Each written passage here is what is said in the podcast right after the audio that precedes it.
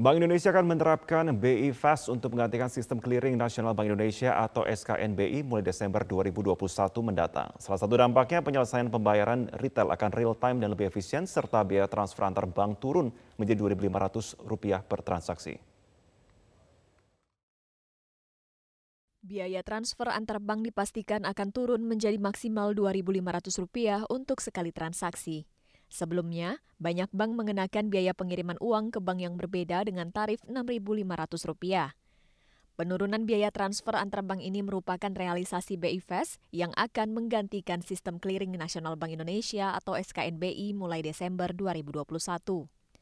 Gubernur Bank Indonesia, Peri Warjio mengatakan, BI Fast berbeda dengan SKNBI karena BI Fast dapat menyelesaikan pembayaran retail secara real time, aman, efisien, dan tersedia setiap saat selama 24 jam sehari serta tujuh hari dalam sepekan. Adapun tarif yang ditetapkan Bank Indonesia kepada peserta BI Fast sebesar Rp19.000 per transaksi. Sementara, tarif maksimal dari bank ke nasabah sebesar Rp2.500 per transaksi. Biaya ini lebih murah dibandingkan tarif SKNBI yang berlaku saat ini sebesar Rp2.900 per transaksi. Manfaat dari BFAS jauh lebih besar. Tidak hanya Rp2.500 per transaksinya, tapi ini adalah serta-merta. Tidak pernah tidur 24-7, terus berlangsung dan seamless. Sementara SKNBI penyelesaian transaksinya dilakukan setiap jam dari pagi sampai sore. Dan ini adalah manfaatnya jauh lebih besar dari 2.500. Yang ketiga, 2.500 inilah maksimum.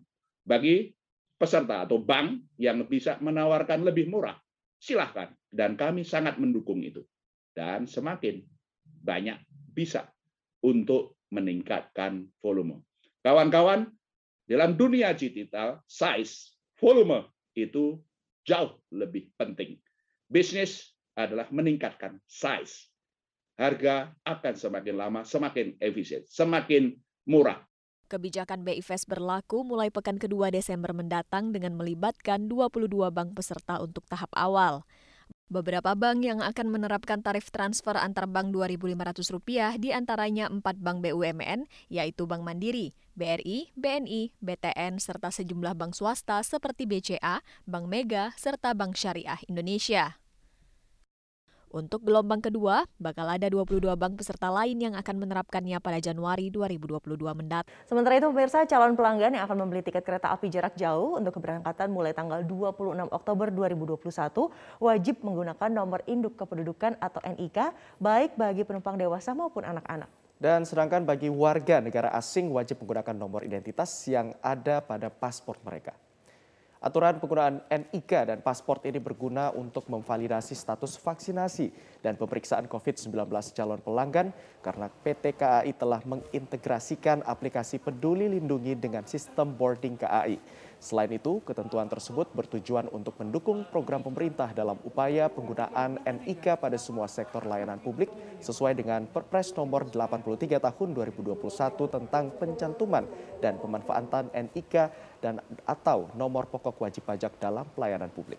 Implementasi penggunaan NIK ini dilaksanakan di seluruh stasiun kereta api Indonesia, bukan hanya Daop 2 Bandung saja.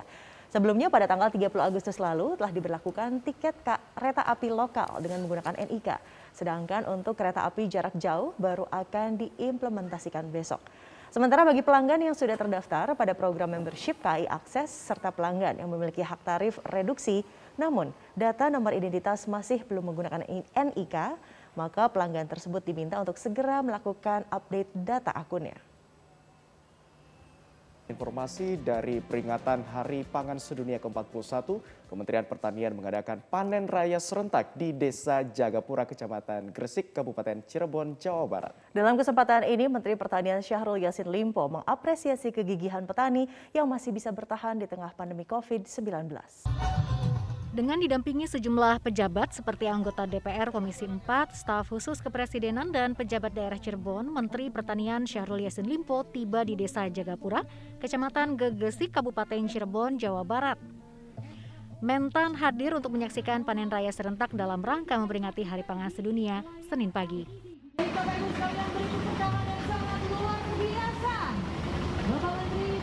Tiba di lokasi, Mentan memantau hasil panen para petani. Dalam kesempatan ini, Menteri Pertanian mengapresiasi kegigihan para petani Indonesia yang masih bisa bertahan dan tetap berkontribusi untuk pangan Indonesia di tengah pandemi COVID-19. Kita berharap Hari Pangan Sedunia dengan tema pertanian meningkat, pangan aman, walaupun di tengah pandemi krisis global, mampu kita jadikan bagian-bagian dari menyampaikan rasa hormat dan terima kasih kita pada semua pihak, khususnya petani yang telah melakukan upaya-upaya yang keras ini. Selain mengapresiasi, Menteri Pertanian juga memberikan bantuan kepada sejumlah petani dan tokoh-tokoh yang memajukan pertanian di Indonesia.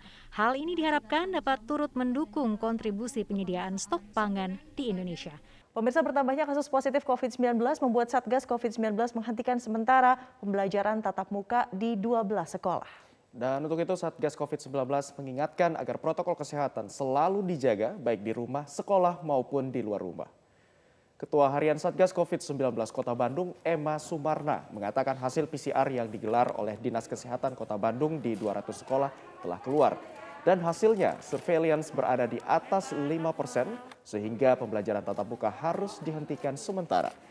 Sebelumnya, Pemkot Bandung menghentikan sementara pembelajaran tatap muka di 12 sekolah, terdiri dari SD, SLB, SMP, dan juga SMK. Ya, makanya ini yang harus terus diingatkannya adalah yang harus diingatkannya, semua ini jangan ada perilaku-perilaku yang euforia. Ya, kalau di sekolahnya tertib, Begitu di luar gegoromolan. Kemarin kan rame tuh viral yang anak SMA bergandengan di Jalan Progo. Nah, yang begitu-begitu jangan sampai Pemerintah Provinsi DKI Jakarta mengklaim telah mencetak 287 wirausaha baru tahun ini. Jumlah ini melampaui target lebih cepat dari target 200 ribu wirausaha baru pada tahun 2022. Semakin tingginya UMKM yang masuk ke dalam ekosistem digital dapat meningkatkan daya jual produk. Selama masa pandemi COVID-19, Pemprov DKI mencegah dampak ekonomi akibat banyaknya masyarakat Jakarta yang kehilangan pekerjaan atau berkurang pendapatannya dengan meningkatkan jumlah pelaku UMKM di Jakarta melalui program Jackpreneur. Gubernur DKI Jakarta Anies Baswedan mengklaim programnya telah berhasil mencetak 287 ribu pelaku UMKM di tahun ini. Dalam acara malam apresiasi Jackpreneur Fest 2021, Anies mengatakan telah memberikan pelatihan kepada 176 ribu UMKM dan memberikan pendampingan kepada 155 ribu UMKM yang tersebar di 44 kecamatan. Selain itu, bantuan akses permodalan juga diberikan kepada pelaku UMKM dengan anggaran total lebih dari 500 miliar rupiah. Menumbuhkan 200 ribu pelaku ekonomi mikro kecil baru di tahun 2022. Dan alhamdulillah target itu telah terlampaui saat ini. Telah bergabung di dalam Jakpreneur 287 ribu UMKM. Menteri Koperasi dan UKM Teten Masduki mengatakan semakin meningkatnya pelaku UMKM yang melek digital diharapkan mampu memberi kesempatan kepada UMKM serta menstimulasi daya beli masyarakat lewat berbagai inovasi, kolaborasi, dan program-program terbaik. Ini sudah hampir 16,4 juta UMKM kita yang sudah terhubung ke ekosistem digital dan ini naik lebih dari 100 persen kalau kita bandingkan dengan 2020 yang baru mencapai 8 juta. Dan pandemi ini juga yang membuat uh, akselerasi digitalisasi, membangun kesadaran baru dari para UMKM untuk segera melakukan inovasi, adaptasi, dan transformasi ke era market yang baru. Sebanyak 16,4 juta UMKM telah masuk ke dalam ekosistem digital. Angka ini naik 100 persen dibanding tahun 2020 yang hanya berjumlah 8 juta UMKM. Bank Indonesia kembali menahan suku bunga acuan BI 7-day reverse repo rate sebesar 3,5 persen yang sudah bertahan sejak Februari 2021. Keputusan ini diambil untuk memberikan stimulus pertumbuhan ekonomi sekaligus menjaga stabilitas keuangan dari pengaruh global. Rapat Dewan Gubernur Bank Indonesia pada 18 sampai 19 Oktober 2021 memutuskan untuk mempertahankan suku bunga acuan BI 7 Day Reverse Repo Rate di level 3,50 persen, suku bunga deposit facility 2,75 persen, dan suku bunga lending facility 4,25 persen. Gubernur Bank Indonesia Peri Warjio menyebut keputusan ini sejalan dengan perlunya menjaga stabilitas nilai tukar dan sistem keuangan di tengah perkiraan inflasi yang rendah. Keputusan ini sejalan dengan perlunya menjaga stabilitas nilai tukar dan sistem keuangan di tengah perkiraan inflasi yang rendah dan upaya untuk mendukung pertumbuhan ekonomi. Bank Indonesia juga terus mengoptimalkan seluruh bauran kebijakan untuk menjaga stabilitas makroekonomi dan sistem keuangan serta mendukung upaya perbaikan ekonomi lebih lanjut dengan sejumlah langkah. Melanjutkan kebijakan makroprudensial akomodatif dengan mempertahankan rasio counter cyclical capital buffer sebesar 0 persen, Rasio intermediasi makroprudensial pada kisaran 84 hingga 94 persen, serta rasio penyangga likuiditas makroprudensial PLM sebesar 6 persen dan rasio PLM syariah sebesar 4,5 persen. Melanjutkan pelonggaran ketentuan uang muka kredit atau pembiayaan kendaraan bermotor berlaku efektif 1 Januari 2022 sampai dengan 31 Desember 2022 serta melanjutkan pelonggaran rasio loan to value, financing to value, kredit properti menjadi paling tinggi 100% untuk semua jenis properti dan menghapuskan ketentuan pencairan bertahap secara inden, berlaku efektif 1 Januari hingga 31 Desember 2022, dengan tetap memperhatikan prinsip kehati-hatian dan manajemen risiko.